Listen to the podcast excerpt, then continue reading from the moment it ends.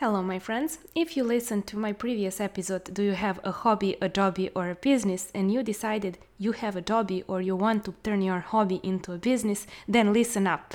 I want to talk about how do you find your customer or your target market or your audience.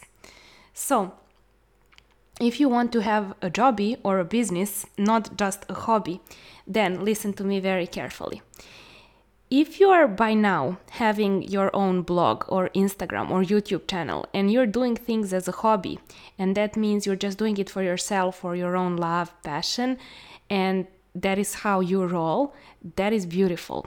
But do not think that just because you are enjoying that, that that's a sign you should make the, a business out of that. Why do I say that? Because it's completely different perspective and it's completely different strategy and planning if you want to turn a hobby into a jobby and a jobby into a business. Why do I say this? Because you need to know who you are talking to. When you're just doing something for fun, you do it without a plan. You're just messing around, having fun. When you do something to make money, you need to have a strategy. You need to know who you are targeting and who are you talking to. You need to actually have you want you don't need to do anything but you want to have a client that is aware that they have a problem and that they are looking for a solution to that problem and they're willing and ready to pay for it so they can afford your solution and where will they find you? They will find you on a social network. So I suggest if you're just starting out to have two social networks where you will become a pro, whether it's YouTube, LinkedIn, Instagram, or Facebook, you get to decide and rock on on those two networks. And also, you should have a weekly newsletter. And in weekly newsletter, you will try to turn people who are just audience into a community and how you will do that by offering things that I offer in my newsletter, which is constant and consistent support and really one on one approach. They can ask you questions and they can interact with you more personally. So, if you want to turn that hobby into a job or a business, find a niche or a group of people that have one specific problem and offer them one specific solution for that problem. Don't go around searching for problems you like to talk about and the problems you think somebody should be solving. You need to find a person that already knows and is aware of the problem that they are having and paying, willing to be paying and solving it with you. Do not let you go into overwhelm, panic, and other emotions that are just making you not do anything uh, just break that chain of worry and overwhelm by taking a piece of paper or opening a Google Do- Drive document and write down plan of actions and plan of content for one or three months and then after the first month you will already have some feedback from your audience and maybe you will even have some paying customers.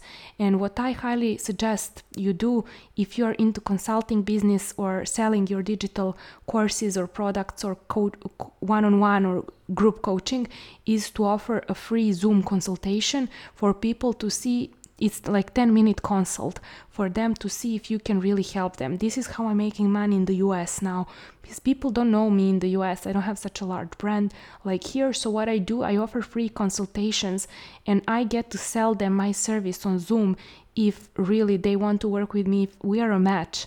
Because sometimes i just tell them no you don't need my help. Here this is what you should do and uh, go and pay this person. They will do it better than me for example. So I think Zoom calls are amazing. You get to meet the person and you need to actually always write down what are their problems so you can see what is your customer avatar and did you make some mistakes in defining it. So, what do you need if you want to take that hobby and uh, turn it into a job? You need to have a website where actually you are talking to that client who is your ideal customer, and the website ideally would have your branding and logo and like clear tabs. Not some woo woo tabs but like clear tabs like about me like blog like podcast like work with me. Don't try to be too smart you know? Just be plain and simple. People will understand. They don't have too much time to think about what you wanted to say. Also i highly suggest you create an opt-in for your offers which is basically a free freebie, a useful piece of content. When somebody new comes to your website, that freebie should be offering them a view of how you will solve that problem or like what uh, what is the methodology you use, how you will save solve that problem and save them time, and also you can do like um, one page cheat sheet or you can do a four part video series or a free training where you get to sell them your product or a service and actually they will see if that is a right fit for them. So, what I really recommend you do is in the first three months, be there all the time, like in the morning and in the evening, twice a day. Post on Instagram or if you're on YouTube, post once a day. Have some challenge with yourself at least a month every day because that is how you will show people that you are committed that you are not just interested in serving them that you are very committed. And always always be very clear about who you can really help and advertise to them. Don't advertise to everyone. That doesn't mean somebody else won't buy what you are selling but still you need to keep in mind who you are talking to. And very important thing. If you're just a beginner and you just had that hobby and you never actually interacted with a larger audience do not create ebooks in advance. Do not create online courses in advance. It's a waste of time money and energy because you never know what exactly your customer and your ideal audience will want you to create for them will want to pay. And don't do that in advance. First create consistent content create audience turn the audience into a community and after that you can talk to them and you can interview them and you can do a Typeform a SurveyMonkey you can do a zoom call you can do instagram survey facebook group polls and then you get to decide what you want to create and then you can ask them would you like option a or option b? and in which format. And that is when you start selling not before so, to conclude, just before, but just because you like something and you know about something doesn't mean that that has a potential to become a business unless unless you decide and you find a group of people that have a problem that your knowledge and experience and expertise can solve.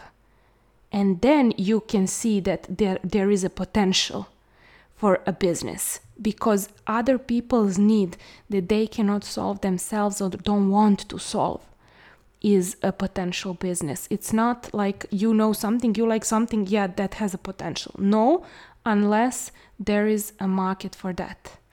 Some of the cool questions that can help you when you are defining your target audience is to think about how do they look like, where they live, how old are they, what magazines and podcasts do they love, what TV shows and movies do they enjoy, what are they, their desires, what are they, their fears, what are their main frustrations.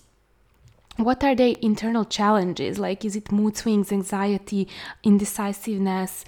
What are their uh, challenges that are not internal but more like what challenges in knowledge do they have? So, what can they learn? What do they need help with? Uh, where do they need to save time or money? Think about also what is the added value that they don't expect when they buy your product and service that you could offer them. Maybe it's one on one consulting once a week, or Facebook closed community, or something else. And think about what do you want your ideal customer to feel when they discover you first time and how do they want to feel after they've done work with you. Also, think about ways that you can connect them with other fellow people that are struggling with the same issue, because that's what I did in my country. I have a Facebook group with almost 600 women.